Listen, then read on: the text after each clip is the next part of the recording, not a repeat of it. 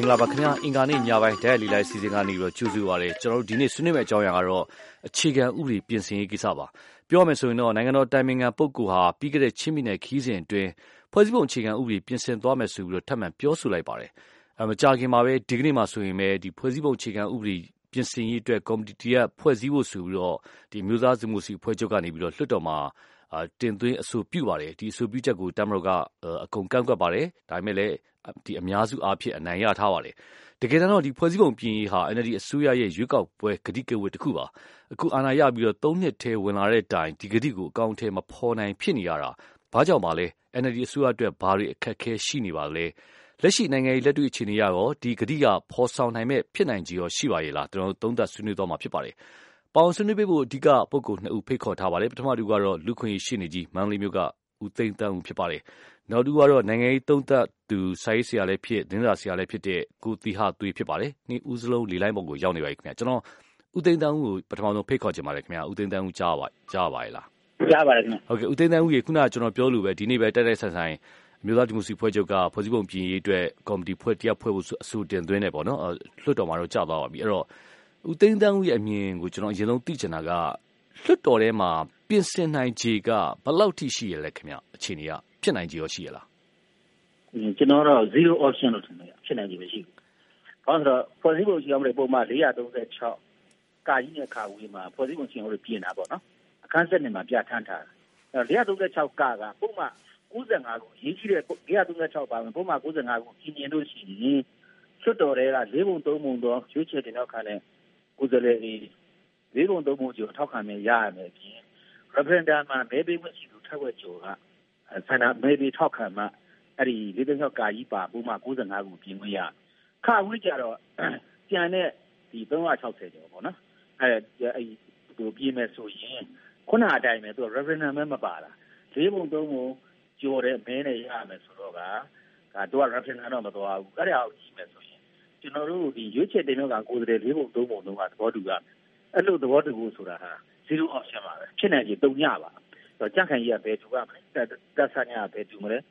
အဲ့လိုအနေထားမှာအဲ့ဒီလို zero option ကသဘောတူခဲ့ရတယ်ဆိုရင်တောင်မှ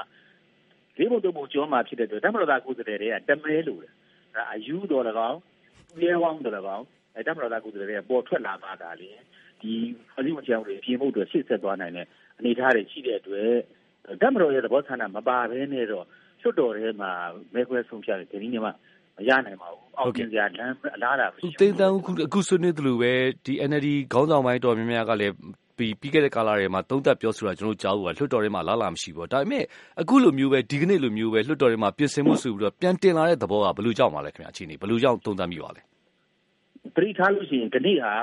ကျွန်တော်တို့ဖွဲ့စည်းအောင်ချောင်းတွေအသိရေးဖို့ပြင်မှုတောင်းဆိုတိုက်တွန်းနေမသမာသူတွေရဲ့လုကြံခံရတဲ့ကျွန်တော်တို့ဆရာဥက္ကိုနီဒီကြာဆုံးတာနှစ်နှစ်တင်းတင်းပြည့်တဲ့နေ့ဖြစ်တယ် အဲ့တော့အဲ့ဒီနေ့နဲ့ဒီဟာတင်တဲ့ဟာတိုက်ဆိုင်တယ်နောက်တစ်ချက်ကဒီရွေးကောက်ပွဲကြီးလာနေပြီဖွဲ့အမျိုးသားဒီမိုကရေစီအဖွဲ့ချုပ်ကရွေးကောက်ပွဲ2015ဝင်စဉ်တုန်းကပြီးခဲ့တဲ့ခရီးကဝတ်300ထဲမှာဒီ2010ပေါ်စီကိုကျန်လို့ပြင်မယ်လို့ခရီးပေးခဲ့တာရှိတယ်အဲ့တော့ရွေးကောက်ပွဲကြီးလာတော့အဲ့ဒီခရီးကိုစတင်အကောင့်ထဲကိုပေါ်ဖို့ပဲပြင်မယ်လို့ကျွန်တော်ထင်တယ်ခြေလမ်းနေစပြင်တာပေါ့နော် အဲ့လို ကျွန်တော် သဘောပေါက်တယ် ဟုတ်ကဲ့ နောက်တစ်ချက်ကဒီဖွဲ့စည်းပုံပြင်ရေးပြင် ဥပဒေကိစ္စရပ်တွေပါတကယ်တမ်းပြောမှဆိုရင် တချို့က ဝေဖန်တာလည်းရှိတယ် ဖွဲ့စည်းပုံပြင်ရေး NLD အနေနဲ့ ကြိုးပမ်းမှုအတော်ခက်ခဲနေတယ် ဒါပေမဲ့ တချို့ဥပဒေတွေကို ပြင်လို့ရတဲ့ ပြင်ဖို့တင့်တဲ့ ဥပဒေတော့မှ မပြင်နိုင်ဘူးဆိုတဲ့ အခြေအနေမျိုး ဝေဖန်တာနေရှိပါတယ်ဥစိမ့်တန်းရဲ့ အမြင်အောင်သိချင်ပါလေအဲဒီတချို့ကလည်း ရှိပဲဥပမာအပြင်ဒီကျွန်တော်တို့ ICCPR တို့ဒီအပြည်ပြည်ဆိုင်ရာဒီဒီရပ်ဖက် သဘောတူညီချက် စာချုပ်မျိုးလို့တော့မှ ကျွန်တော်တို့ ဟိုအတီးပြုလက်မှတ်မထိုးနိုင်ဘူးမပါနိုင်ဘူးဒါတွေလည်းရှိတယ်နောက်ချုပ်ဘယ်လိုလားတဲ့ဥပဒေလည်းရှိပါတယ်ဒါပေမဲ့ကျွန်တော်ထင်တယ်ဗျ NLD အစိုးရရင်ဆိုင်နေတဲ့ကြက်တော်တော်ကြီးတယ်ရခိုင်ကိစ္စမှာအစိုးရအဖွဲ့ပါဝင်ပတ်သက်နေပြီးတော့ဟိုတနိုင်ငံလုံးမှာဒုက္ခရောက်ကြောက်ကြနေတဲ့ဒေသမျိုးဖြစ်တယ်စီဝါရေးကလည်းပဲလောလောဆယ်မှာတော့ကျွန်တော်တို့အကောင်းဘက်ကိုရောက်တယ်လို့မပြောနိုင်သေးတဲ့အနေအထားမျိုးတွေပေါ့နော်ဒီလိုအနေအထားမျိုးတွေဖြစ်တော့တိုင်းပြည်အခြေအနေကလည်းဟိုမတည်ငြိမ်ဘူးအထူးသဖြင့်ရခိုင်ကိစ္စတော့ဒုက္ခပေးနေတဲ့အနေအထားမျိုးတွေမှာ လွတ်တော်ဘက်ကိုတာမန်ဥတွေဘက်ကိုမလှည့်နိုင်လို့အခုဒါကျွန်တော်တို့အာဂျင်နာတင်လိုက်တယ်လို့ကျွန်တော်စတယ်ဒါဒီဘက်ကစပြီးတော့ခေါင်းလုံးထိုးလိုက်တာပေါ့ဗျာဖွဲ့စည်းကိုပြင်တော့မယ်ဆိုပြီးတော့အဲ့လိုကျွန်တော်ထင်နေတာဟုတ်ကဲ့ခင်ဗျဦးသိန်းတန်းဦးလေလိုက်မှာခဏနေပြီးပါအောင်ခင်ဗျကျွန်တော်နောက်တစ်ချက်မှာဒီငင်းငင်းနဲ့ဆက်ဆက်ပြီးတော့ထပ်ပြီးတော့ဆွေးနွေးမိမြန်လိုပါတယ်ကျွန်တော်ကိုတီဟာသွေးကိုဖိတ်ခေါ်ချင်ပါတယ်ခင်ဗျကုတီဟာကြားပါလားခင်ဗျဟုတ်ကဲ့ဟုတ်ကဲ့ကိုတီဟာခုနကဦးသိန်းတန်းဦးဆွေးနွေးသွားတဲ့ကြားမိမယ်ထင်ပါတယ်သူ့အမြင်ကတော့လာမယ့်ရွေးကောက်ပွဲအနေအထား နောက်ရှင်းနေဦးကိုနီဆုံးတာနှစ်ပြည့်အဲ့လိုအနေအထားမျိုးတွေနဲ့အဲတိုက်ဆိုင်နေတယ်ပေါ့နော်တကယ်တမ်းလွှတ်တော်ထဲမှာပြင်နိုင်ကြီးအားနေတယ်ဖြစ်နိုင်ကြီးနေတယ်ဆိုတဲ့အမြင်ရှိပါတယ်ကိုတီဟာရဲ့အမြင်သိကြပါလေဟုတ်ကဲ့ကျွန်တော်အမြင်ကတော့ရှင်းပါတယ်ဟိုကျွန်တော်တို့ဒီခြေကဥပဒေပြင်တယ်ဖြစ်တော်တယ်မှာခြေကဥပဒေပြင်ဖို့စတင်တယ်ဆိုတော့အတန်ကိုစထုတ်လိုက်တာက29ရက်နေ့ဒီကိုဒီလက်ကျခါရနေဒီကိုဒီဆိုတော့လည်း ဟိုတာဝန်ပုဂ္ဂိုလ်မဟုတ်ဘူးကျွန်တော်တို့ဒီခြေကဥပဒေတော်မှာအစဆုံးအစ်ပြန်ရေးကြတယ်လို့ကျွန်တော်တို့ဒီစာရထုတ်ပေါ်ခဲ့တယ်ပေါ့နော်ဥပဒေတွေလိုပဲပြောခဲ့တယ်လို့ဒီကျွန်တော်တို့ခြေကဥပဒေနဲ့ပတ်သက်ရင်ကျင့်ဖို့ကိုကျွန်တော်တို့လက်ကမအတုတ်ချုပ်ချားတက်ကြွဆုံးပေါ့နော်အပြည့်စုံပုဂ္ဂိုလ်အဲ့ဒီပုဂ္ဂိုလ်မျိုးလက်ကျခါရတဲ့မိပါဘယ်လိုမျိုးအနေရရပြီးတော့ဟလာသုံးသက်လောက်ကျွန်တော်တို့ဟိုဘာမှမပြောဘဲနဲ့ပေါ့နော်ဒီစကားဥပဒေဒီနည်းနဲ့ပတ်သက်ပြီးကျွန်တော်ဘာမှမပြောဘဲနဲ့နေသားနေပြီးတော့ဟလာ ပြင်လာတဲ့ပြည်ဟာဟာဒီမှာထူးကြရဲဟိုပြင်ဖို့မပြင်ဖို့တော့ကိုနိုင်ငံရေးသွားနေတဲ့ပုံစံပေါ့နော်အဲ့ဒီကသွားနေတဲ့ဒီသုံးနှစ်ကြာကာလမှာသွားနေတဲ့ပုံစံတွေချိုးဖို့တခုကိုစပြီးတော့သွားတယ်ဆိုရဲ message ပေါ့နော်အဲ့ဒီဟိုတကယ်စကားကိုပြီးလို့ဒီခါပါတယ်နောက်တစ်ချက်ကပါလဲဆိုတော့ကျွန်တော်တို့ဒီအကျင်းအဲ ကျွန်တော်တို့ဒီ NLD ကနေဒီအခြေခံဥပဒေလက်ပြတ်ကပြင်လို့ကြိုးစားနေတာပါလဲဆိုတော့ပြင်လို့ပါပဲပြင်လို့မှာကျွန်တော်တို့ဒီဆွေးနွေးနေတဲ့အချက်တွေကကျွန်တော်တို့ကံမတော်ဘာတစ်ဆဲခေါ်လာပြီးတော့ကျွန်တော်လက်နက်တွေထိုးပြီးစစ်တော်ကမှအကြည့်ပြီးတော့ဆက်နေတော့ဒါကကျွန်တော်တို့ကံမတော်ဘာအပါခေါ်လာတဲ့အတွက်ကြောင့်လက်ပြတ်နဲ့မတန်ကြီးတဲ့နီးပါပဲဆက်တော်လဲဟိုအားလုံးပြီးကြတဲ့အတိုင်းပဲဒီလေးလေး process ကဟိုဘယ်လိုမှရှိမတိုးနိုင်တဲ့အတွက်လက်နက်ထိုးပြီးသားအပြည့်ရလက်နက်ထိုးပြီးသားကျွန်တော်တို့အဖွဲ့တွေတော့မှ နောက်ဆုံးတဲ့အနေအထားတွေရက်တဲ့အနေအထားတွေရှိတဲ့ပြောအခုတမတော်ကနေပြီးဆက်ကြပါပါဟလာလေးကဆက်ပေးလိုက်တာတော့မှကျွန်တော်တို့ဆွေးနွေးပွဲမစနိုင်ဘူးဆိုတော့ဒီနေငယ်ရေးပေါ်မှာဒါအခြေခံဥပဒေကိုပြင်ဖို့ဒီဒီဖြစ်စဉ်တွေပေါ်မှာပုံသားရတယ်မဖြစ်နိုင်တော့ဆိုတော့ကျွန်တော်ဒီမှာလည်း၃နှစ်တာပြတ်သက်တမ်းပြီးတော့ဒီမှာအဲ့ဒီကဟိုတစ်ဟောင်းနှစ်ဆယ်အတွက်ကိုသူတို့တွေရှင်းရှင်းလင်းလင်းပြရတာပါဟိုကြည့်ပြီးတော့ဟိုသူတို့တော့သူတို့ရှောက်ရတော့မယ်အခြေရောက်ပြီးလို့ပြေးလို့ရတယ်စီးပွားရေးလည်းပြောလို့လာတာကိုသိရတယ်။နောက်အခုနိုင်ငံရေးကိုလည်း ပြန်ပြီးတော့ဇောင်းပေးလာတာတွေ့ရတယ်။ဆိုတော့ဒီချက်ဒါဟာအဲ့ဒီကသုံးချက်သွားခဲ့တဲ့ကျွန်တော်တို့ဒီလိုဒီတော့တို့သွားခဲ့တဲ့လမ်းစဉ်ကိုကြက်ပြီးတော့ကျွန်တော်တို့တဲ့တဲ့ဟုတ်လားဟိုကျွန်တော်တို့ဒီပါတီရဲ့ဒီအနာဂတ်အတွက်ကိုကြည့်ပြီးတော့ကျွန်တော်တို့2020တဲ့ပုံမှန်စီမံကိန်းနဲ့စပြီးတော့ဒီဒီဘောဟုတ်ကဲ့အာကိုတီဟာလိုင်းကြသွားရှင်နေကိုတီဟာအာကိုတီဟာကိုကျွန်တော်ပြန်ခေါ်ပါမယ်မကြခင်ကျွန်တော်ကျွန်တော်သောရရှင်တွေကိုအလှည့်ပြန်ပေးချင်ပါတယ် သောရရှင်တူဖြစ်တဲ့ ကိုတီးလည်မှုလေလိုင်းပေါ်မှာရှိပါတယ် ကိုတီးလည်မှုတူတူဆွေးနွေးမြန်းလို့ရပါတယ် ဟုတ်ကဲ့ခင်ဗျ ကျွန်တော်အနေနဲ့ဒီ2008ချီကန်ဥပဒေကိုတော့ အများအားတောင်းဆိုတဲ့လူကြောက်ပါနော်2008ချီကန်ဥပဒေကို ပြင်ဆင်နိုင်မှတရားလင် ကျွန်တော်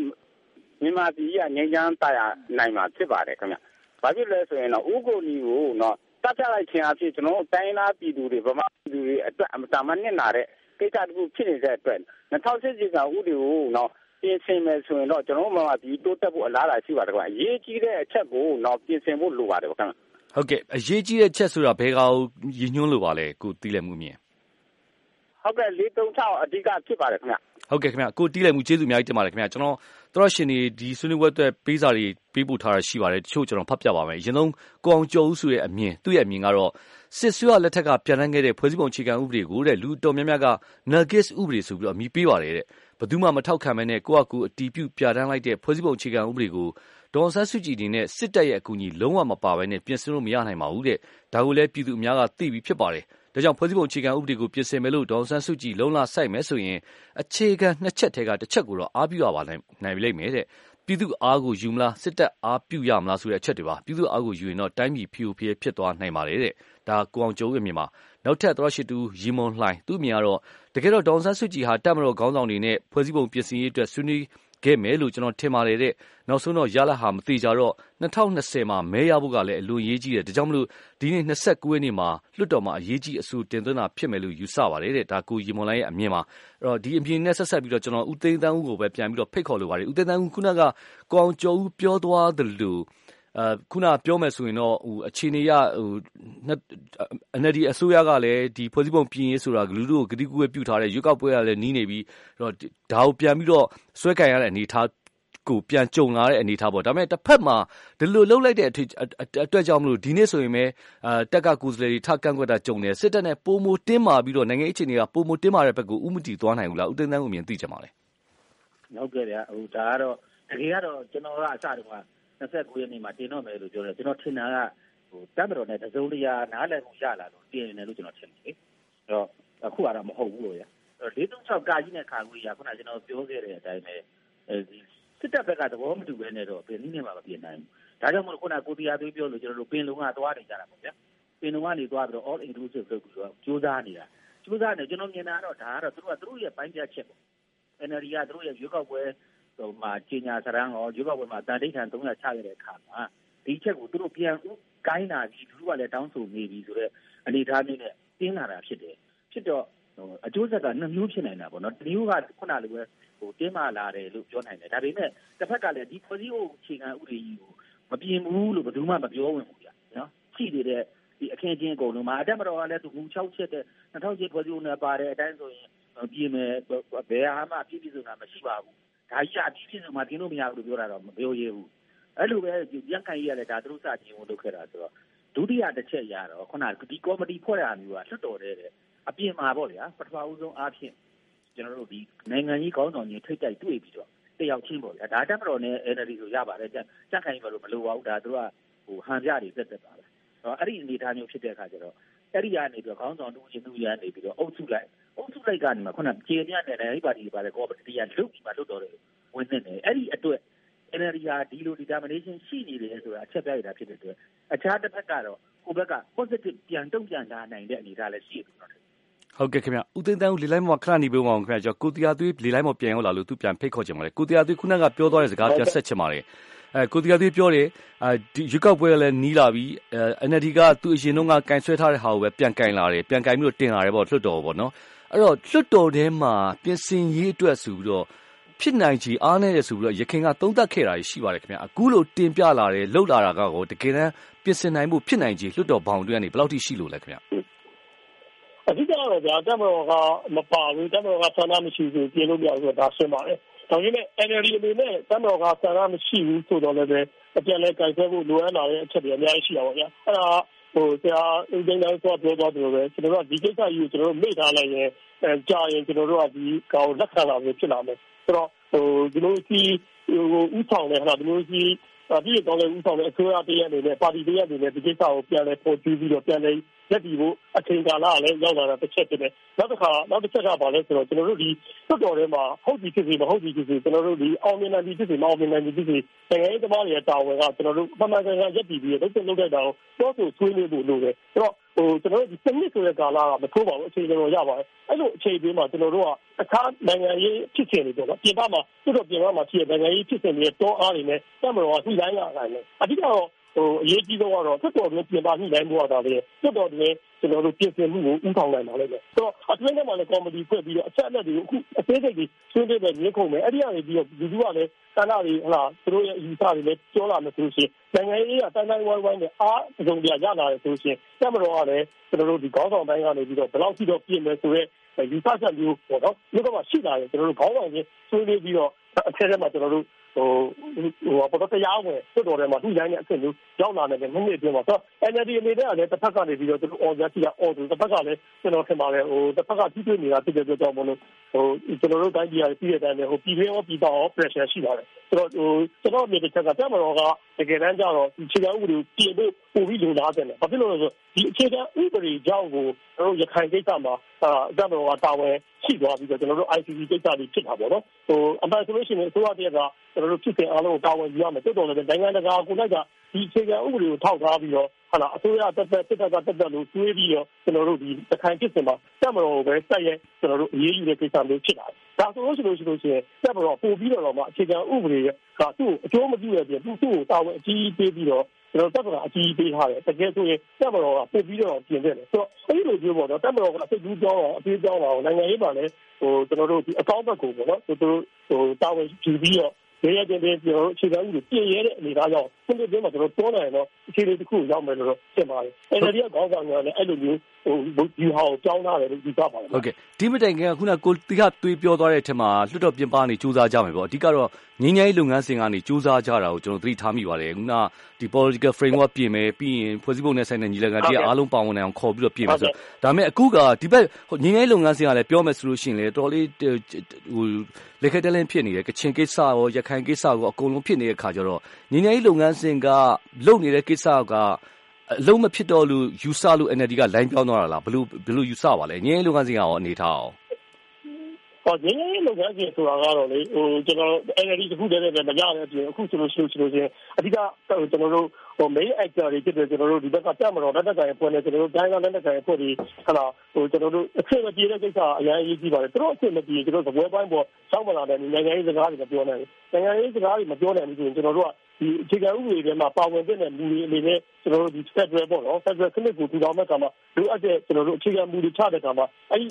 ဒီဒီချစ်တိုးပြီးတော့အခုလက်ရှိရထားတဲ့ပို့ပြီးတော့မထမှတ်နိုင်မထမှတ်နိုင်ဆိုကျွန်တော်တို့အခြေခံဥပဒေပြင်ဖို့ဒီတွတ်တော်ထဲမှာကျွန်တော်တို့နောက်တစ်ဆင့်တိုးပြီးတော့ကျွန်တော်တို့ဒီဟိုဟိုကျွန်တော်တို့အတိမပြုနိုင်ဘူးပေါ့ဗျာဆိုတော့ဒါတွေကဒလေးဖြစ်လာတယ်နှစ်ပြည့်တွင်းလည်းမသေးကြတော့ဆိုတော့ဒီပေါ်မှာအဲ့ဒီဆက်ရက်နေရင်ကျွန်တော်တို့ကဟိုအခုလည်းအများကြီးဝေဖန်တယ်ဒီဒီကျွန်တော်တို့ဒီအခြေခံဥပဒေပြင်ဆင်ရေးကိုကျွန်တော်တို့ဒီဒီတော့ပဲဟိုကမ်ပိန်းတစ်ခုတွေနဲ့អော်ခဲ့ပြီတဲ့ဒီကိစ္စကိုခုကလစ်လီရှူထားတဲ့တော်မျိုးဖြစ်နေတယ် ဆိုတော့ဒီကနေ့ဖြစ်နေတဲ့တွဲထားတဲ့အတွက်ကြောင့်လည်းလူတွေရဲ့ကျင်ထဲမှာဟိုတက်တဲ့ရောက်မလာဘူးဗျဆိုတော့ဒီနေ့ဖြစ်နေကြီးကကာဝယ်နေတဲ့အတွက်ကျွန်တော်အခြေခံဥပဒေပြင်ဆင်ရေးလမ်းကြောင်းကိုကွယ်ဝတ်နေတယ်တော့ကွယ်ပါဆိုတော့လူတွေရဲ့အားမလို့အားမရဖြစ်မှုတွေကလည်းရှိလာတယ်ဆိုတော့ကျွန်တော်2018ဒီကျွန်တော်ဓာတ်ရိုက်ရောက်ပွဲမှာကျွန်တော်တို့အထိနာထားတာလည်းရှိတဲ့အခါကျတော့သူတို့တွေပြည်သူလူထုရင်တဲ့တရားရောက်နိုင်တဲ့နိုင်ငံရေးလှုပ်ရှားမှုတွေတို့ဖို့လိုအပ်လာတယ်လို့ဒီစလာပြန်ကြတယ်ဒါကြောင့်မို့လို့ကျွန်တော်တို့ထွတ်တော်ထဲမှာ NLD ကနေပြီးတော့ကျွန်တော်အခုလိုလမ်းကြောင်းတစ်ခုဖွင့်ပြီးကျွန်တော်တို့ဒီလူထု ဒီလေတသားရဖြစ်အောင်ပေါ့နော်ဒီခြေတော်ဥပဒေလမ်းကြောင်းကိုလည်းနိုင်ငံရေးအဲကျွန်တော်တို့ဒီဒီဟိုအနေနဲ့ပေါ့နော် performance တစ်ခုလေးလောက်တာလို့ကျွန်တော်ထင်ပါတယ်ဟုတ်ကဲ့အဲ့ဒါကိုပဲကျွန်တော်ကုသိန်းတန်းကိုမေးချင်ပါတယ်အခုဒီကနေ့အစိုးတင်သွင်းသွားတဲ့ကိစ္စဖွဲ့စည်းပုံအခြေခံဥပဒေပြင်ဆင်ရေးနဲ့ပတ်သက်လို့လွှတ်တော်ကိုတင်သွင်းတဲ့ကိစ္စကခုနကဆွေးနွေးခဲ့ကြသလိုရွေးကောက်ပွဲကတိကဝေးဖြစ်နေလို့ရွေးကောက်ပွဲလည်းနီးလာပြီဖြစ်တဲ့ခါကျတော့ဒါက လုတ်ပြတဲ့တခုပဲလားတကယ်တကယ်တမ်း NLD ကိုနိုင်ကနှစ်နှစ်ကာကာ commitment ရှိရှိနဲ့ပြင်မယ်ဆိုတဲ့စိတ်ဆန္ဒနဲ့လုပ်တယ်လို့ယူဆပါလားကိုဦးသိန်းတန်းကိုအမြင်သိချင်ပါတယ်ကျွန်တော်ဖက်ကလုံးနှမျိုးစလုံးလို့ထင်နေရနှမျိုးစလုံးထင်ပါတယ်တစ်ဖက်က NLD ကရုပ်ောက်ပဲပြီးတဲ့သတိခွေဖြစ်တယ်နော်ဒါအဲ့ဒါကိုလူ့တဲ့နှလုံးထဲရောက်သွားအောင်လူ့ပေးတဲ့ခရီးဖြည့်စည်းရဖြည့်စည်းဖို့ချိန်လဲကြာပြီဒီစပုံရတယ်တစ်ဖက်ကလည်းသူတို့ commitment ရှိပါတယ် ဒီ NLD ခေါင်းဆောင်တွေအကုန်လုံးကရစ်လေးလုံးလူလူရုပ်တော်ကြီးကပေါက်ပွားလာတဲ့သူတွေကြီးပဲဒါဒီမှာဆရာနာရှင်စနစ်ရဲ့ပြည်စည်းနှုတ်ဆက်မှုကိုအကြီးကျယ်ခံခဲ့ရတဲ့လူတွေပဲလူလူအတွက်2010ပေါ်စီကဘယ်လိုအဟန့်တားမျိုးဆိုတာသူတို့စိတ်ဆုံးကတည့်ရတယ်ဆိုတော့သူတို့ပါတယ်အဲ့တော့ကျွန်တော်မြင်တာကတော့ဒီရွေးကောက်ပွဲတက်တက်တော့မဟုတ်ဘဲနဲ့ politically ပေါ့ရလက်ရှိဖြစ်နေတဲ့တိုင်းပြည်နေသားအရာ NLD အစိုးရဟာခံစစ်ကြီးပဲဖြစ်နေတယ်စီးပွားရေးမှာပဲဖြစ်ဖြစ်နိုင်ငံရေးမှာပဲဖြစ်ဖြစ်အကုန်စမ်းစင်ရတပွေးလိုက်ဖူးကြည့်နေရချီရနေပြီးတော့ ဘောလုံးတကားနဲ့ပြောရတော့ကောင်တာအတက်ပေါ့ပင်လုံမှာလည်းပဲကျွန်တော်ကစီမလို့နောက်မဆိုဘူးနောက်တောင်နေနေဆိုတော့အဲ့တော့ဒီကျွေးကြော်တန်ကိုကင်ပြီးတော့ဒီပိုင်းပြချက်နဲ့သူတို့သွားတယ်ဆိုရင်သူတို့ကိုအဟံတားတဲ့လုပ်တဲ့လူတွေတော့အကုန်ပုံကြမှာအဲ့တော့2010ဖွဲ့စည်းပုံချန်မရီမပြီးခင်တာဘာလို့လဲနော်ဒါကနိုင်ငံရေးနိုင်ငံရေး political game ညနော်အဲ့ဒါပြာက NLD က tight system လိုက်တာဖြစ်တယ်အဲ့ရတဲ့အကျိုးမြတ်ဆိုတာလေနာလက်စုပ်လက်ကန်ချနိုင်တယ်အားလုံးကသဘောတူကျွန်တော်တို့ပြင်မမယ်ဆိုကြားချင်မှရတယ် ဟုတ်ကဲ့လူလူတဲ့နိုင်ငံတကာရဲ့ထောက်ခံမှုလည်းရမယ်နောက်သူတို့ကကစားပွဲမှာအပေါ်ကြီးကဆောင်းလို့လာပြီးတယ်အောင်တယ်အခုကဟုတ်ခဲ့ပါတယ်ဘသူပြောဝင်တယ်တောင်းကြီးပေါ်စီကဘာမှအကောင်းဆုံးဆိုပြောတာဒီတချို့တော့ရှိပါတယ်ဟာတော့မှ15နှစ်တောင်ရေးရတာကောင်းတယ်ဆိုတော့ဒီလိုအထားနေပြီးမှ2000ပေါ်စီပုံကြီးတာဖြစ်ရင်ဒါစီနေတဲ့ဒီတန်းစင်ပါတယ်လို့ထွက်ကြတဲ့လူကအချို့ရှိလို့ရမယ်လို့ထင်တယ်အဲ့ဒီချိန်မှာ NLD ရဲ့ဖွဲ့စည်းပုံချအောင်ကြီးပြင်မှုလုပ်တဲ့လှုပ်ရှားမှုကိုစတင်ကန့်ကွက်သူမှန်သမျှ ဒီသူ့ရဲ့တကယ်အမြဲဒေါသနဲ့ဒီမလိုမဟုတ်တာမှုစက်ကွင်းနဲ့ကြမှာပဲအဲ့ဒီအတွက်ကျွန်တော်ဆက်လုပ်တယ်လို့ထင်တယ်ဟုတ်ကဲ့ကျွန်တော်အမှသရရှိတူရဲ့စာဖတ်ချင်ပါတယ်ကိုတက်နိုင်ဦးပါတဲ့နိုဘယ်ဆုရှင်ကိုဘာချော့သမရဖြစ်လာတဲ့အခါဆိုရှယ်လစ်ကနေပြီးတော့ဒီမိုကရေစီစနစ်ကိုပြောင်းလဲလိုက်တာအနောက်နိုင်ငံတွေကြောက်နေရတဲ့ဆိုဗီယက်ယူနီယံပြည်အောင်စုကြီးအစိတ်စိတ်မှောင်မှာပြိုကွဲသွားတာတမိုင်းသက်သေပါတဲ့ဒီမိုကရေစီရှင်သန်အောင်တိုင်းပြည်လည်းမပြိုကွဲအောင်ထိန်းသိမ်းလုပ်ကြဖို့ဗျာဆိုပြီးတော့ကိုတက်နိုင်ကသူ့ရဲ့အမြင်ကိုရေးသွားပါတယ်အဲ့တော့ကျွန်တော်ကိုတီဟာကိုပဲမေးချင်ပါတယ်အခု NLD ရဲ့ စူးစမ်းပထမအောင်ဆုံးခြေလမ်းစပြီးတော့ ဖွဲ့စည်းပုံအတွက် ပြင်ဆင်မှု ကြိုးပမ်းချက်က ခုနပြောတက်နေတော့ တင်းနေမှာတော့လက်တလောတော့ တွေ့နေရပြီတော့ဒီကမတည်ငြိမ်မှုတွေ တင်းမာမှုတွေ ပိုတိုးလာမှာပြည်လဲလမ်းစာကိုဥတီတကယ်ပဲဥတီနိုင်အောင် လုပ်နိုင်ပါမလား ကိုကိုတီဟာသူ့ရဲ့အမြင်ကို သိကြပါလေခင်ဗျဆိုတော့ဒါတော့ နှစ်ဖက်ဖွဲ့စည်းပေါ့နော်နှစ်ဖက်ဒီကမ္ဘာတွေနဲ့ကျွန်တော် energy တွေနဲ့ကျွန်တော်ဟိုတင်းတင်းတင်းတင်းကျွန်တော်တို့တွားလိုက်လို့ဆိုနေတယ် ဘာဖြစ်လို့လဲဆိုတော့ ကျွန်တော်လည်းဒီဆွေးနွေးပွဲကို live ကြည့်နေတဲ့အချိန်မှာကျွန်တော်တို့ဒီလိုမျိုးတက်မတော်ကကိုယ်စားလှယ်တွေကမတ်တက်ရက်ပြီးစောက်ွက်တဲ့အချိန်မှာ ဒီလိုမျိုး ခံစားမှုရှိတယ်ပေါ့နော်ဟိုဆိုတော့ကိုသားတွေကိုပြောသွားတယ်လို့ပဲရှင်းချောက်ဒီလိုကျွန်တော်တို့ပုတ်တိုက်မှုတွေနဲ့အဲဒါထိတ်တိုက်မှုတွေနဲ့ကျွန်တော်တို့ဒီ instability ပေါ့နော်မတည်ငြိမ်မှုကိုခံစားရတဲ့ဟာမျိုးကိုကျွန်တော်တို့တော့ရောက်တော့မလားဆိုပြီးကျွန်တော်သိကြည့်တာပေါ့တော်တော်လည်းအဲ့ဒီဟာပြီးတဲ့အချိန်မှာကျွန်တော်တက်တော်ကကိုယ်စားလှယ်ရဲ့အဲဒါဟို interview တွေပါပြန်လာထောင်ရတဲ့အခါမှာကျွန်တော်ဘာသွားတိထားမိလဲဆိုတော့ကျတော့ဒီအခြေခံဥပဒေပြင်ရေးကိုကျွန်တော်တို့က ဟလာဒီတက်တော်ကမငင်းကိုမငင်းရဘူးသူကလည်းတရားဥပဒေကျွန်တော်ပြင်ရေးကိုကျွန်တော်မြင်တာမဟုတ်ဘူးလုံထုံးလုံးမျိုးပဲမြင်တာပါဆိုပြောလာတယ်ဆိုတော့ကျွန်တော်ဖတ်မိနေရဆိုပြောရမယ်ဆိုရင်စံခံရေးရလဲ2015ရွေးကောက်ပွဲတော့ဟလာဟို သူ့ရဲ့ကျွန်တော်တို့ရွေးကောက်ပွဲတတိကိုထဲမှာကျွန်တော်ရင်းရင်းရေးအရာရင်းရင်းရေးလုပ်ငန်းစဉ်တွေကလိုအပ်လာရင်ခြေကဥပဒေပြင်မယ်လို့ပြောတယ်ကျွန်တော်ပြောချင်တာကခြေကဥပဒေပြင်ရေးကလူတိုင်းပြောတယ်ကျွန်တော်စံခံရေးလည်းပြောတယ်တက်မတော်လည်းပြောဆိုဒီအချက်ကတော့ကျွန်တော်ကျွန်တော်ထင်တယ်တစ်ဖက်ကိုပြဿနာမဖြစ်စေလို့ဖြစ်တယ်တော်တော်လုံလေးလုံဟန်တိုင်းမှာတူတာကိုတာတိုင်းမှာကျွန်တော်တို့ဒီဒီဒီတွန်းတက်မှုတွေရှိလာတယ်ဆိုတော့ဟို NLD ကဘယ်လောက်ရှိတိုးပလဲဟိုကျွန်တော်တက်ကဘယ်လောက်ထိခုခံစကားမဲဆိုတဲ့ပုံမှာကျွန်တော်တို့ရှေ့လျှောက်ဘယ်လောက်ထိထိတ်တိုက်မှုတွေမတည်ငြိမ်မှုတွေဖြစ်လဲဆိုတော့ဒီတစ်ဖက်ခေါင်းဆောင်တွေရဲ့ စဉ်းစားစဉ်းရဲ့ဟိုကုန်သက်ပြီးတော့မူတည်လိမ့်မယ်လို့ ထင်ပါတယ်။ Okay ကျွန်တော် ဦးသိန်းတန်းကို နောက်ဆုံးမေးချင်ပါတယ် ဒီကိစ္စပါပဲ အခု NLD ကအဲစစ်တပ်နဲ့ တကယ်တော့ညှိရမယ့်ကိစ္စပေါ့တက်မတော်ကိုယ်စားတွေကလည်း ပြောတယ် သူတို့ ဖွဲ့စည်းပုံပြင်ဖို့အတွက် သူတို့မှလည်းလူလားချက်ရှိတယ်ဆိုတော့ တကယ်တမ်း common ground တက်တဲ့ NLD ကြားထဲမှာ ရှာနိုင်တဲ့အနေအထားရှိပါလားခင်ဗျ ဖွဲ့စည်းပုံပြင်ရေးနဲ့ ပတ်သက်လို့ပါ ဖွဲ့စည်းပုံပြင်ဖွဲ့စည်းပုံပြင်ရေးကို တွန်းပို့နေတဲ့အချက်လက်တွေတော့ ရှိတယ်ဗျ common ground ဆိုတော့တကယ်တော့ဟိုဟိုတက်က ဒီဘူး၆ချက်ကင်ထားရင်တော့ဘယ်နည်းမှပြင်လို့မရပါဘူးဒီဒီထဲမှာပြင်ဖို့ဆိုတာကျွန်တော်ပြောတဲ့သဘောတူညီမှုမရှိဘူးဆိုရင်ပြင်လို့မရဘူးပြင်နေတယ်ဆိုတော့တစ်ညီနိုင်မယ့်အနေထားတော့ရှိတယ်တို့အဲ့နိုင်ငံတကာမှာပေါ်ပေါက်နေတဲ့အနေအထားတွေကတကယ်ကြီးမားတဲ့အကြက်တွေဗျအဲ့ဒီကြီးမားတဲ့အကြက်တွေတွေပြီးတော့ကျွန်တော်တို့ပြည်တွင်းမှာညီညွတ်ရေးကိုတိုးပို့နေလို့ကျွန်တော်ထင်တယ်မလွဲမချောင်တဲ့ ICC ကိစ္စရခိုင်ကိစ္စအခုမြေစုံကိစ္စနောက်တစ်ခါခုနကလိုပင်လုံမှာရင်းရင်းနဲ့အပေါင်းထဲမှာပုံနိုင်တဲ့အတွက်ဒီက conference လုပ်ကြတယ်ဒီလိုကနေပြီးတော့ အကျဉ်းသဘာဝနိုင်ငံပြီးကြလို့ပြောတာတဲ့ဆိုတာတိုက်ကြည့်တဲ့စိုးရိမ်ကြီးမှတ်တွေဖြစ်တော့ပြည်တွင်းရှိတဲ့လူတွေကညီငင်းတဲ့တွန်းလှန်တဲ့အနေအထားဖြစ်တော့ဒီကိစ္စကတွန်းအားတစ်ခုဖြစ်လာနိုင်ပါတယ်ဟုတ်ကဲ့ခင်ဗျာကျွန်တော်တို့ဒဲလီလိုက်အစီအစဉ်အချိန်ဆစ်တော်လို့ပါပါဝင်ဆွေးနွေးပေးတဲ့ဦးသိန်းတန်းဦးနဲ့ကိုတရားသွေးနှစ်ဦးစလုံးကျေးဇူးအများကြီးတင်ပါတယ်ခင်ဗျာကျွန်တော်တို့ဒဲလီလိုက်အစီအစဉ်ကျွန်တော်ဝင်ပြီးပါ